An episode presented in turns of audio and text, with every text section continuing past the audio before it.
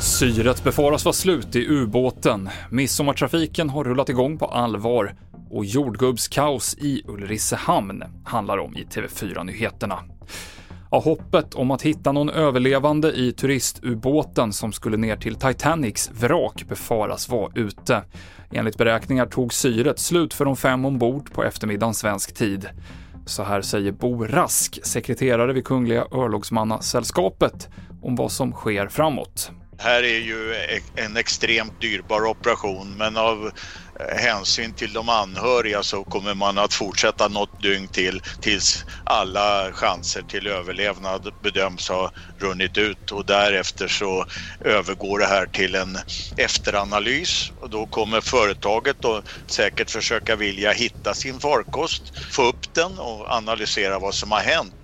Och det är nog viktigt om man ska fortsätta i den här branschen med turistresor för att eh, eh nu är, tror jag ingen eh, är beredd att åka ner med en sån här farkost till de här extrema djupen tills de har återställt sitt varumärke på något sätt. Det sa Bo Rask. Nu ska vi ut på vägarna, för det är en av de mest trafikintensiva dagarna på året.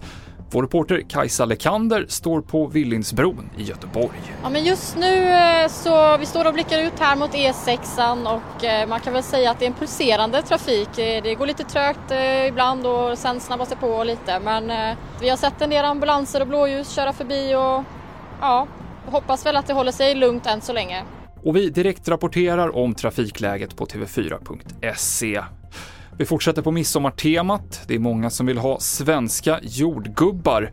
Polis och ambulans fick rycka ut till en jordgubbsodling i Ulricehamn idag. Det var många där som fick köa i uppemot en timme och en köande man svimmade och fick hjälp av ambulanspersonal.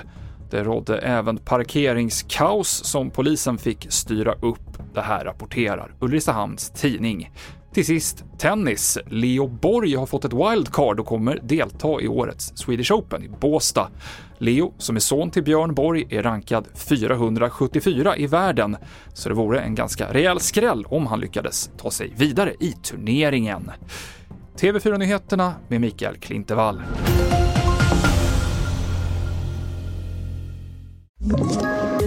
Poddtips från Podplay. I podden Något Kaiko garanterar östgötarna Brutti och jag, Davva, dig en stor dos skratt.